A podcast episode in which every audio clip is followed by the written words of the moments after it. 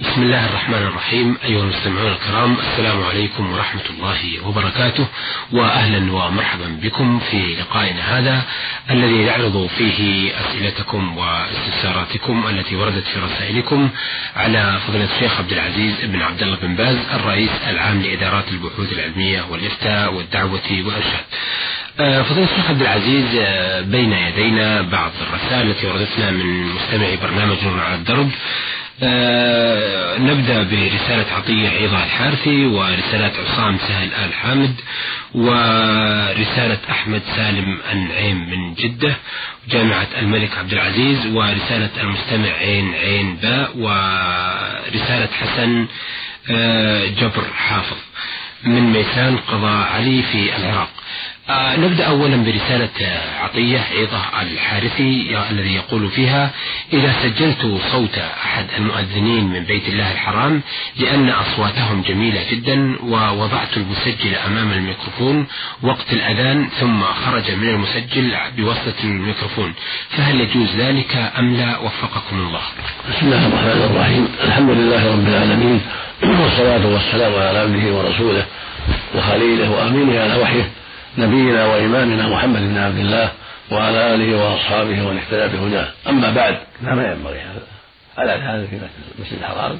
في المسجد الحرام لأهل المسجد الحرام. أما كونه ينقله إلى بلدان أخرى لا يصلح. ولا يجعل أمام الميكروفون حتى يسمعه الناس. هذا يشوش على الناس ويحصل فيه التلبيس فكل بلد لها أذانها ولها وقتها ومؤذنوها يكفونها. أما أن ينقل أذان شخص من مكة إلى الرياض أو إلى كذا أو إلى كذا لا يصح. نعم. آه أيضا يقول هل يصح أن يجهر بقراءة الفاتحة وسورة بعدها لصلاة الوتر؟ السنة الجهر.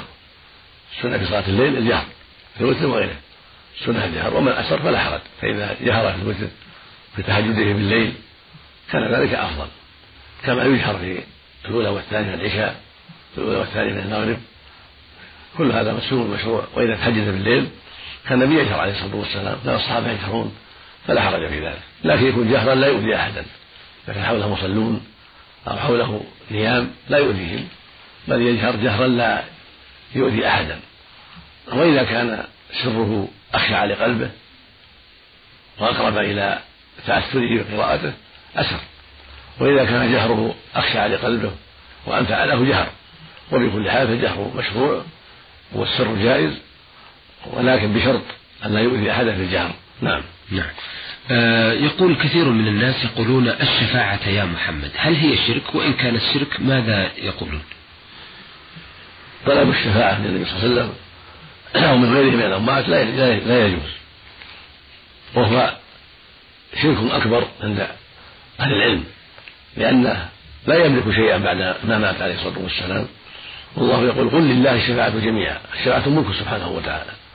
والنبي صلى الله عليه وسلم وغيره من الأموات لا يملكون التصرف بعد الموت في شفاعة ولا في دعاء ولا في غير ذلك. الميت إذا مات انقطع عمله إلا من ثلاث. صدقة جارية أو علم ينتفع به أولا الله يدعو له وإنما جاء أنها تعرض عليه الصلاة عليه الصلاة والسلام. ولهذا قال فإن صلاتكم تبلغ حيث كنتم صلوا علي فإن صلاتكم تبلغ حيث كنتم. وأما حديث انها تعرض عليه الأعمال ووجد فيها من خير حمد الله ووجد فيها من شر استغفر لنا فهو حديث ضعيف لا يصح عن النبي صلى الله عليه وسلم. ولو صح لم يكن فيه دلالة على أن نطلب منه الشفاعة. فالحاصل أن طلب الشفاعة من النبي صلى الله عليه وسلم أو من غيره من الأموات أمر لا يجوز. وهو على قاعدة شرعيه من الشرك الأكبر لأنه طلب من الميت طلب من الميت شيئا لا يقدر عليه. كما لو طلب منه شفاء المريض أو النصر على الأعداء أو غوث المكروبين أو ما أشبه ذلك فكل هذا من أنواع الشرك الأكبر. ولا فرق بين طلب هذا من النبي صلى الله عليه وسلم أو من الشيخ عبد القادر أو من فلان أو فلان أو من البدوي أو من الحسين أو غير ذلك. طلب هذا من الموتى أمر لا يجوز وهو من أقسام الشرك. نعم. وإنما الميت يترحم عليه إذا كان مسلما ويدعى له بالمغفرة والرحمة. والنبي صلى الله عليه وسلم إذا سلم عليه مسلم يصلي عليه عليه الصلاة والسلام ويدعو له. أما أن يطلبه المدد أو الشفاعة أو النصر على الأعداء كل هذا لا يجوز. وهذا من عمل أهل الجاهلية ومن عمل أهل الشرك. فيجب على المسلم أن ينتبه لهذا وأن يحذر مثل هذا. نعم. آه يقول إذا كنت أصلي وسمعت الأذان هل أكمل صلاتي أم أعيدها أم أقف حتى انتهاء الأذان؟ المصلي يستمر في صلاته. ولا يجب المؤذن. المصلي مشغول بالصلاة. في أذن المؤذن وأنت في الصلاة تكمل الصلاة. ولا تجيب المؤذن. نعم. آه ولكن لو كانت هذه فرضا مثلا والأذان على أول الوقت. هذا شيء آخر. إذا كان الفريضة لا يصليها إلا بعد التحقق من دخول الوقت. إذا كان مريضا في البيت مثلا أو له شغل مانع من الصلاة في مع المسلم في المساجد لخوف أو مرض فإنه يصلي بعد دخول الوقت ولا ما بعد الأذان لأن بعض المؤذن قد يؤخر قد يؤخر الأذان ويفوت بعض الوقت. فإذا تحقق أن أن الوقت دخل ساغ له ويصلي فريضته وإن كان لم يسمع أذانا كالمريض في بيت بعيد عن المؤذنين أو الخائف أو المسافر الذي لا يسمع الأذان متى تحقق الوقت؟ صلى. لكن المسافر السنة له أن يؤذن قبل الصلاة. إذا تحقق الوقت يؤذن ثم يقيم ويصلي. لكن من كان في البلد ليس له أن يصلي إلا بعد دخول الوقت. وإذا دخل الوقت وعلمه جاز له أن يصلي وإن لم يسمع الأذان. نعم. آه، سؤاله الأخير يقول إذا نسيت ركن أو واجب مع الإمام ماذا أفعل؟ أعيد الصلاة أم يلزمني سجود السهو؟ إذا نسي المصلي وهو مأموم واجبا من واجبات الصلاة سقط عنه مثل نسي يقول سبحان ربي الأعلى في السجود. أو نسي سبحان ربي العظيم في الركوع أو نسي التكبير عند الهوي في الركوع أو عند الهوي في السجود أو عند الرفع من السجود فإن هذا يسقط عنه ولا شيء عليه لكونه تابعا للإمام. وهكذا لو نسي التشهد الأول شغل ولم يأتي به وقام مع الإمام لما قام ولم يأتي بالتشهد الأول ناسيا فلا شيء عليه. يتحمله الإمام أما أما الأركان وهي الفرائض العظيمة فلا بد منها نسي يأتي بها إذا نسيها يأتي بها ثم يلحق إمامه فلو سهى عن الركوع وكبر الإمام راكعا ثم رفع الإمام فانتبه فإنه يركع ثم يرفع ويتابع الإمام وهكذا لو نسي السجدة الأولى وسجد الإمام ثم رفع فانتبه المأموم والإمام قد رفع من السجدة الأولى فإنه يسجد ثم يرفع ثم يلحق الإمام السجدة الثانية المقصود أن الأركان وهي الفرائض المؤكدة لا تسقط بالسهو على المأموم بل يتابع ما يأتي بها ويتابع إمامه. نعم. آه عصام سهل آل حامد آه، بعث لنا بهذه الرسالة الطويلة. آه يشكر أصحاب الفضيلة العلماء المجيبين على البرنامج ويقول في رسالته أنهم يأتون مبكرين إلى المسجد. فإذا أذن المؤذن يقول أخذنا نتابعه ثم إننا نسمع كثيرا من الجماعة من يقول بعد أن يفرغ المؤذن من أذانه آه اللهم رب هذه الدعوة التامة والصلاة القائمة آت محمدا الوسيلة والفضيلة وابعثه مقاما محمودا الذي وعدته في الجنة. هل ذلك صحيح أم لا؟ المحفوظ عن النبي عليه الصلاة والسلام ما في زيادة في الجنة.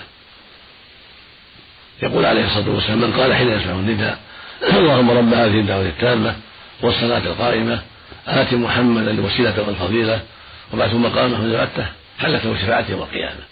هذا رواه البخاري في الصحيح عن جابر رضي الله عنه. زاد البيهقي في آخره إنك لا تخلف الميعاد وهي زيادة لا بأس بها أما زيادة في الجنة فلا أصل لها فيما نعلم. نعم. نعم. لكن هذه الزيادة التي تزاد لا تقيد آه، منزلة الرسول صلى الله عليه وسلم لأن موقفه في المحشر يختلف عن آه، مثلا علوه في الجنة. لأن هذه أليست هذه الوعدة من الله هي الشفاعة للناس؟ هذه الأمور هذه توقيفية ليس لأحد يزيد فيها من عنده. نعم. جواب المؤذن وغيرها من العبادات أمور توقيفية ليس للناس يزيد فيها شيئا من عند أنفسهم. بل يكتفون بما جاء في النص ولا يزيدون عليه. هذا هو الواجب. نعم. والوسيلة منزله في الجنة. لا تنبغي إلى عبد من عباد الله قال النبي ارجو ان اكون له عليه الصلاة والسلام. فالداعي والمؤذن بعد الأذان يدعو بهذا الدعاء كما أرشد إليه النبي عليه الصلاة والسلام. ولا يزيد شيئا ولا ينقص شيئا. هذا هذا هو السنة. نعم. أما مسألة الشفاعة فذاك هو المقام المحمود. الشفاعه نعم. العظمى هذا هو المقام المحمود. الله أعطاه النبي صلى الله عليه وسلم يشفع في الناس حتى يقضى بينهم يوم القيامة بعدما يسجد يد ربه ويحمده ويثني عليه ثم يؤذن له. فإذا أذن في الشفاعة شفع عليه الصلاة والسلام في الناس حتى يقضى بينهم في الموقف العظيم. وهكذا يشفع لأهل الجنة في دخولهم الجنة. هاتان خاصتان عليه الصلاة والسلام. وأما هنا هو طلب الوسيلة له صلى الله عليه وسلم بعد الأذان. وهي منزلة رفيعة في الجنة لا تنبغي لغيره عليه الصلاة والسلام. نعم. وما فعله الله إياها نعم. المرسل هنا اللي هو عصام سهل آل حامد يقول وابعثه مقاما محمودا الذي وعدته في الجنة. الجنة ما لها أصل. زيادة في الجنة ما لها نعم. نعم. مقاما محمودا. إنك لا الميعاد نعم. نعم نعم. نعم. آه، من أحمد صالح النعيم من جدة جامعة الملك عبد العزيز وردتنا هذه الرسالة يقول فيها آه، أطال الله في عمركم وجعلكم ذخرا وسندا للإسلام والمسلمين. عند ذكر إجابة المؤذن. نعم. يناسب أن نذكر أنه يستحب أيضا عند الشهادتين يقول رضيت بالله ربا وبالإسلام دينا وبمحمد رسولا. إذا قال المؤذن أشهد أن لا إله إلا الله أشهد أن محمدا رسول الله يقول مثله المستمع. ثم يقول عند ذلك رضيت بالله ربا وبالإسلام دينا وبمحمد رسولا عليه الصلاة والسلام. لأنه ورد في الحديث الصحيح حديث سعد بن أبي وقاص في صحيح مسلم نعم. أن من قال ذلك غفر له ذنبه. فيستحب أن يقال هذا عند الشهادتين. رضيت بالله ربا وبالإسلام دينا وبمحمد رسول الله صلى الله عليه وسلم. كذلك يستحب أن يقول بعد الإقامة مثل ما يقول بعد الأذان. لأنها أذان. نعم. مثل ما في الحديث بين الأذان بين كل أذان صلاة بين كل أذان صلاة. فالأذان هما الأذان والإقامة. فالإقامة أذان ثاني والأذان أذان أول. فيستحب أن يقول بعد الإقامة وعند الشهادة في الإقامة مثل ما يقول في الأذان وأما قول بعض الناس أقامها الله وأدامها أو اللهم أقمها وأدمها عند قوله قد قامت الصلاة فهذا لم يثبت عن النبي صلى الله عليه وسلم. وإنما جاء في حديث ضعيف أقامها الله وأدامها ولكن أن يقول قد قامت الصلاة قد قامت الصلاة مثل المؤذن. يقول مثل المؤذن سواء. وأما كلمة قد قام أقامها الله وادامها فلم تحفظ لم تثبت عن النبي عليه الصلاة والسلام. فالاولى تركها وأن يقول بدلها قد قامت الصلاه قد قامت الصلاه مثل ما يقول المؤذن. لأن النبي عليه الصلاة والسلام قال إذا سمعتم المؤذن فقولوا مثل ما يقول. فنحن نقول مثل ما يقول المؤذن. إلا في الحيعله فإنه يقول لا حول ولا قوة إلا بالله لا حول ولا قوة إلا بالله لأن هذا ثبت عن النبي صلى الله عليه وسلم يقول ذلك. ثبت عنه عليه الصلاة والسلام أنه في الحيعله حي على الصلاة فيقول لا حول ولا قوة إلا بالله. أما بقية الأذان فيقول مثل قول المؤذن وهكذا الإقامة. نعم. نعم. آه، أيضا هناك بعض طلبة العلم ينكرون على من قال اللهم أقمها وأدمها. آه، فما كل هذا لم يرد. نعم. اقامها الله وأدامها. أما اللهم أقمها وأدمها لم يرد. نعم. بسند ضعيف صحيح. إنما جاء في رواية لأبي ضعيفه اقامها الله وأدامها. فالأولى ترك هذا كله. لا يقول اقامها الله وأدامها ولا اللهم أقمها وأدمها. الافضل ترك ذلك. وأن يقول مثل قول المؤذن. قد قامت الصلاة قد قامت الصلاة. مثل ما يقول في الفجر مثل قوله إذا قال الصلاة خير من النوم الصلاة خير يقول مثله. لأن الرسول صلى الله عليه وسلم قال إذا سمعتم المؤذن فقولوا مثل ما يقول هكذا قال عليه الصلاة والسلام. نعم. نعم. آه، أحمد صالح النعيم من جدة جامعة الملك عبد العزيز يقول آه، سؤالي هو عن كيفية غسل النبي صلى الله عليه وسلم أو تكفينه والصلاة عليه ودفنه. وفقكم الله. الرسول صلى الله عليه وسلم دفن غسل في ثيابه فإنه سمعوا منادي الصحابة لما اختلفوا في هل يجردون أم لا؟ سمعوا منادي من داخل البيت يقول أن غسلوا الرسول في ثيابه. فغسلوه بثيابه وصبوا الماء عليه وغسلوه في ثيابه عليه الصلاة والسلام. ثم كفنوه في ثلاثة أثواب بيض سحولية من كرسف يعني من قطن ليس فيها قميص ولا عمامة كما جاء في حديث عائشة رضي الله عنها. ثم صلى عليه الناس عليه الصلاة والسلام صلى عليه الناس فرادا ما أمه عليه إمام فصلى عليه الناس فكل يدخل ويصلي عليه في المسجد عليه الصلاة والسلام. نعم. يقول أيضا آه، ما حكم طواف الوداع في العمرة؟ هل يلزم أم لا؟ الأولى والأصح أنه ليس بواجب. طواف الوداع في العمرة ليس بواجب وإنما يستحب فقط فإذا ودع بعد العمرة هذا أفضل وأولى. ولو خرج ولم يودع فلا شيء عليه. أما في الحج فالطواف واجب في الحج. لأن النبي عليه السلام قال لا يفعل أحدكم حتى يكون آخر عهد البيت. وهذا خطب به الحجيج عليه الصلاة والسلام. وقال ابن عباس أمر الناس إلى الحجاج أن يكون آخر عهدهم بالبيت إلا أن خف عن المرأة الحائض. الحائض ليس عليها وداع وهكذا النفساء ليس عليها وداع. وأما العمرة فليس فيها وداع واجب ولكن مستحب. نعم. عن الاحتلام وردتنا هذه الرسالة من جدة من باعثها عين عين با يقول فيها إذا الرجل احتلم فخرج منه آه شيء فهل يغتسل ويلبس لبسا جديدا أم يعيد هذا اللباس عليه؟ إذا احتلم الرجل أو المرأة فإنهما يغتسلان إذا رأيا الماء وهو المني أما احتلام بدون ماء فلا فيه ليس فيه غسل. لأن النبي صلى الله عليه وسلم لما سألته أم سليم قالت يا رسول الله إن الله لا يستحي من الحق. هل أمر بالغسل إذا احتلمت؟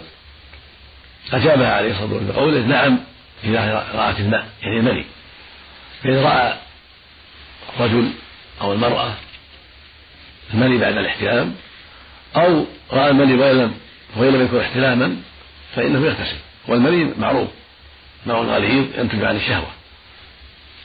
فإذا رأى الرجل أو المرأة ماء وهو المني بعد احتلامهما أو استيقظ ورآياه وإن لم يكن الاحتلام فإنهما يغتسلان كما أمر بهذا النبي عليه الصلاة والسلام. أما احتلام ليس معه مني فإنه لا يوجب الغسل سواء كان في الليل أو في النهار. ولا يؤثر على الصائم ولا على الحاج. الاحتلال لأنه ليس باختياره. فلو احتلم في نهار الصيام أو احتلم في عرفة أو في منى قبل أن يرمي الجمرة فإنه لا يضره ذلك لأنه ليس باختياره. والله سبحانه لا يكلف نفسا إلا وسعها سبحانه وتعالى. نعم. الرسالة التي بين يدينا الأخيرة وردتنا من المستمع حسن جبر حافظ من ميسان قضاء علي من العراق. يقول فيها ما حكم منع الأب لابنه من الزواج؟ هذا لا يجوز لأن الزواج قربة وطاعة فيه عفة الرجل وغض بصره. فلا يجوز لأبيه أن يمنعه من ذلك. النبي صلى الله عليه وسلم قال يا معشر الشباب من استطاع الباء فليتزوج فإنه أغض البصر وأحسن الفرج. الحديث. ومعلوم أن الزواج يعينه على طاعة الله غض البصر وحفظ الفرج وإحسان المرأة وإعانتها الخير. وهو من أسباب النسل أيضا فالزواج فيه خير كثير.